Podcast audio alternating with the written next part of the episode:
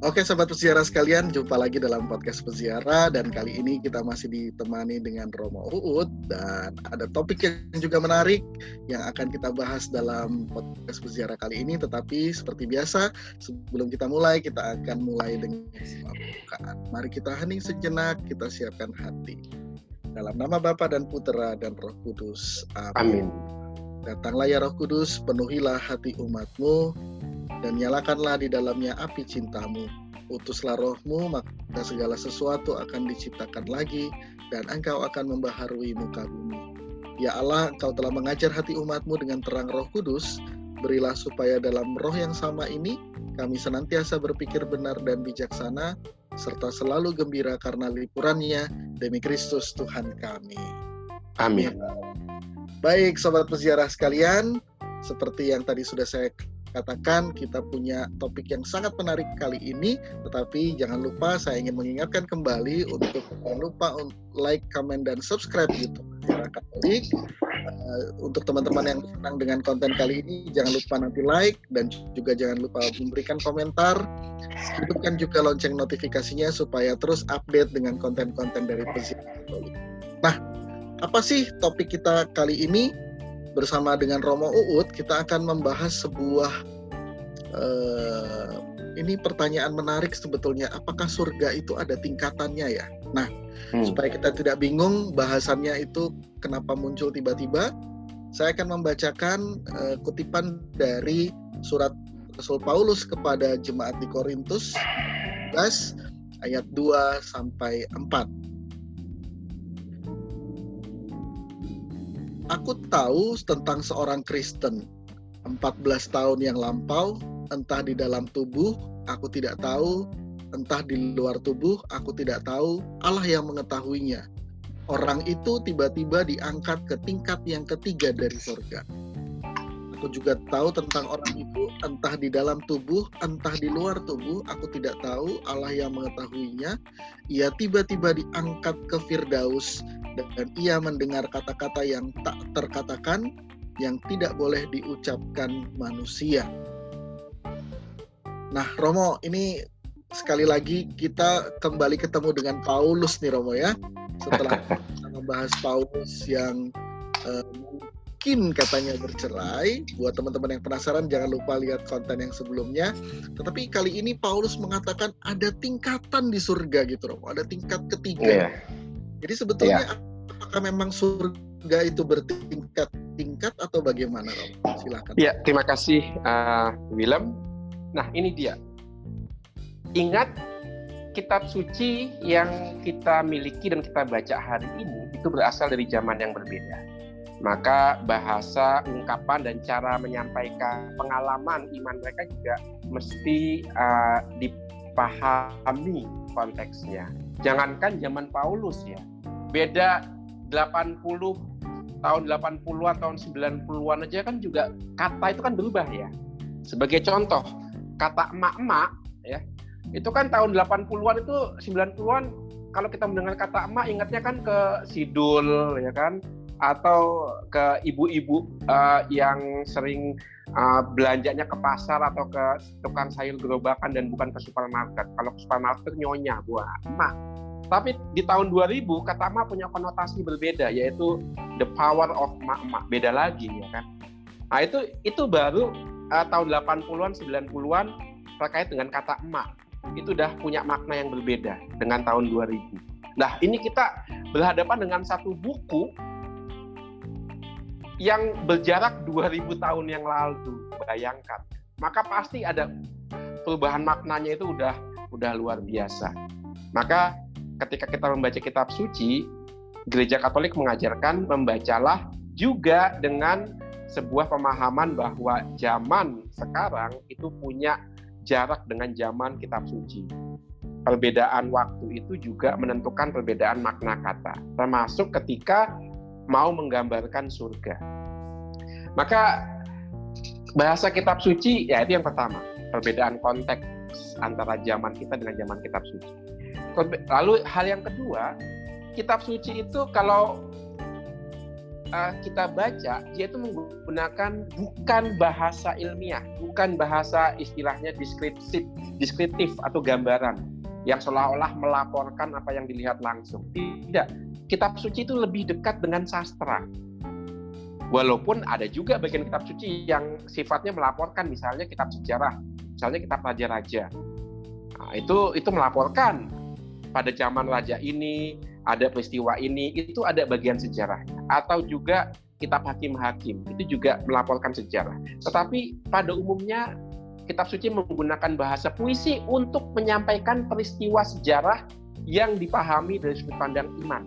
Jadi tetap ada latar belakang sejarahnya, tapi tidak dilaporkan mentah begitu saja, tapi sudah dibalut dengan keyakinan dan diungkapkan dengan bahasa sastra.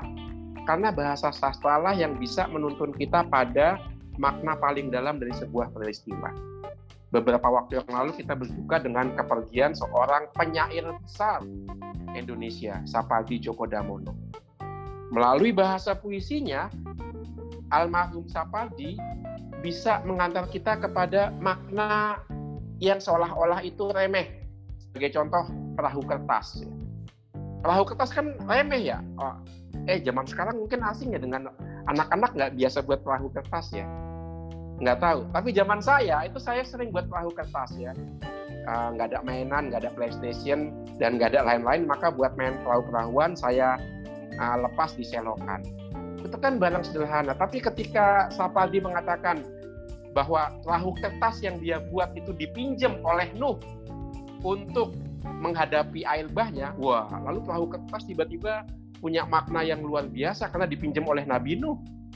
Nah itu, bagaimana bahasa sastra itu bisa mengajak kita ke makna yang jauh lebih dalam dari hal-hal yang kelihatannya sederhana. Oleh sebab itu, kitab suci juga menggunakan bahasa sastra untuk mengantar kita pada makna yang paling dalam yaitu Allah sendiri.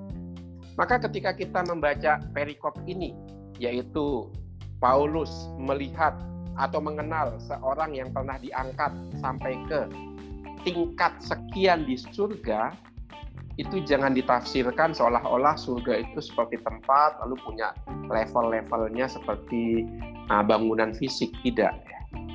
Mau mengatakan sebenarnya bahwa relasi Allah dengan ciptaan itu tetap ada jarak. Seintim apa pun Allah dengan ciptaannya, tetap ada jarak. Tetap ciptaan adalah ciptaan, Allah adalah Allah. Pun ketika itu sudah di surga nanti.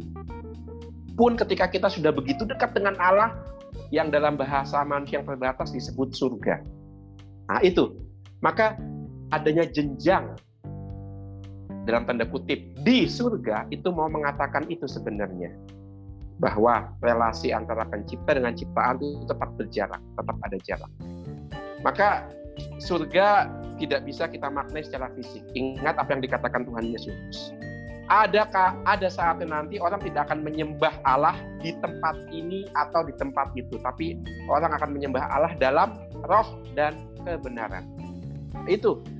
Maka surga juga bukan perkara tempat, bukan perkara level, bukan perkara tingkat, tapi itu perkara bahwa pusatnya itu Allah, lalu kita ciptaan itu berada dekat dengan Allah dan tidak menghapus jarak itu. Itu yang paling penting. Itu yang paling penting kita pahami. Maka surga itu uh, bukan tempatnya. Lalu apa dong Romo? Ya kita susah membayangkan. Kita pikiran kita tuh dibentuk oleh dua hal, ruang dan waktu, tempat dan waktu. Di luar itu kita nggak bisa membayangkan apa-apa ya. Itu dia. Maka yang paling tepat adalah membayangkan surga sebagai sebuah relasi, yaitu kasih. Itu, itulah surga. Relasi kasih Allah dengan manusia yang sudah begitu dekat, begitu akrab, memakai bahasa Paulus bisa melihat wajahnya langsung dari wajah ke wajah. Pun dalam keadaan begitu tetap ada jarak. Begitu Willem, uh, pemahaman kita tentang surga. Bukan masalah tempat, bukan masalah ada tingkatan-tingkatan tapi mau mengatakan bahkan ketika kita sudah akhlak dengan Allah dalam situasi surgawi tetap kita itu ciptaan Allah tetap Allah ya artinya sekali lagi saya mau mengatakan bahwa kalau saya menangkap dari yang Romo sampaikan tidak ada surga dalam tiga tingkatan Iya. Tetapi yeah. surga itu justru adalah suatu keadaan, suatu relasi yang dekat antara manusia dengan Allah. Iya. Kan yang disampaikan Rasul Paulus dalam 2 Korintus uh, bab 12 ayat 2 sampai 4 tadi bukan merujuk pada tingkatan surga tetapi merujuk bahwa ada jarak di antara relasi manusia dengan Allah sendiri. Kira-kira begitu ya Romo ya? Iya. Begitu. Baik Romo. Iya.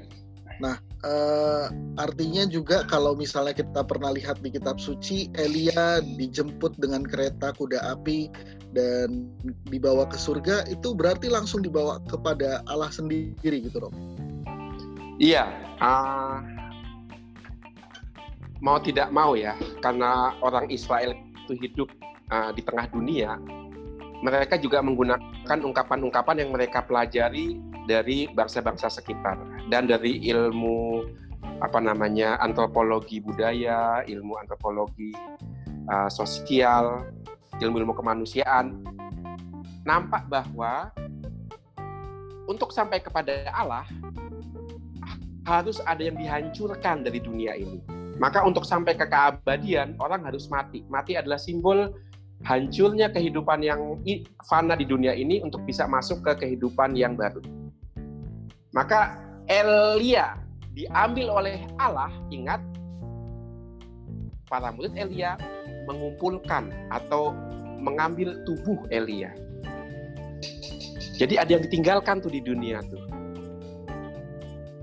Jadi Elia masuk ke dalam relasi yang baru, hidup yang baru dengan Allah dengan meninggalkan hidup yang lama yaitu tubuh fisiknya.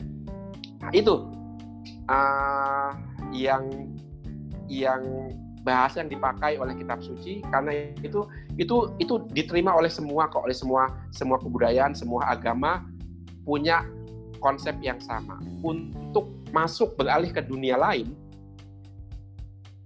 dunia yang kita miliki ini harus dihancurkan dulu sebagai contoh, untuk mengorbankan hewan pada dewa-dewa, hewan itu harus disembelih, dimatiin dulu. Kalau enggak nggak bisa masuk ke dunia lain, ya kan? Di Jawa misalnya, untuk mempersembahkan kendi kepada leluhur, kendi harus dipercayain dulu. Dalam tradisi Tiongkok, untuk mempersembahkan duit-duitan ke dunia arwah, dibakar dulu. Jadi segala sesuatu untuk masuk ke dunia lain harus dihancurkan dulu. Supaya nanti maknanya esensinya itu bisa keluar dan bisa terbang masuk ke dunia lain.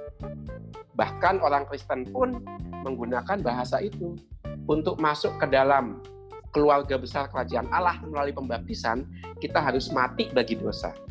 Hidup sebagai anak-anak Allah. Pembaptisan kan itu ya. Menanggalkan hidup lama, menerima hidup baru. Nah, itu uh, maknanya demikian. Baik Romo, ini berarti kembali ajakan buat kita semua untuk kembali mencintai kitab suci dan iya. Dalami kitab suci dengan sangat baik dengan tuntunan magisterium gereja agar kita juga tidak salah memaknai secara harafiah apa yang tertulis di dalam kitab suci. Iya. Baik Uh, terima kasih banyak untuk konten kita kali ini. Terima kasih banyak untuk penjelasan yang mengenai surga tadi. Dan harapannya suatu saat kita semua bisa masuk dalam keadaan yang penuh relasi kasih dengan Allah. Sobat yes. peziarah sekalian, uh, jangan lupa like, comment, dan subscribe YouTube Peziarah Katolik ya. Dan uh, untuk teman-teman yang mungkin tertarik dengan konten kali ini, silahkan like dan juga boleh berkomentar di kolom komentar. Termasuk kalau ada ide mau ada topik apa, mungkin boleh di komen, ditulis di kolom komentar. Jangan lupa juga subscribe uh, YouTube Peziarah Katolik dan hidupkan lonceng notifikasinya supaya kita bisa saling berbagi keindahan dan kedalaman ajaran iman Katolik biasa. Mari kita persembahkan bahasan kita kali ini untuk kemuliaan Tuhan, kemuliaan kepada Bapa dan Putra dan Roh Kudus, seperti pada permulaan, sekarang, selalu dan sepanjang segala abad. Amin. Amin. Dalam nama Bapa dan Putra dan Roh Kudus. Amin. Amin.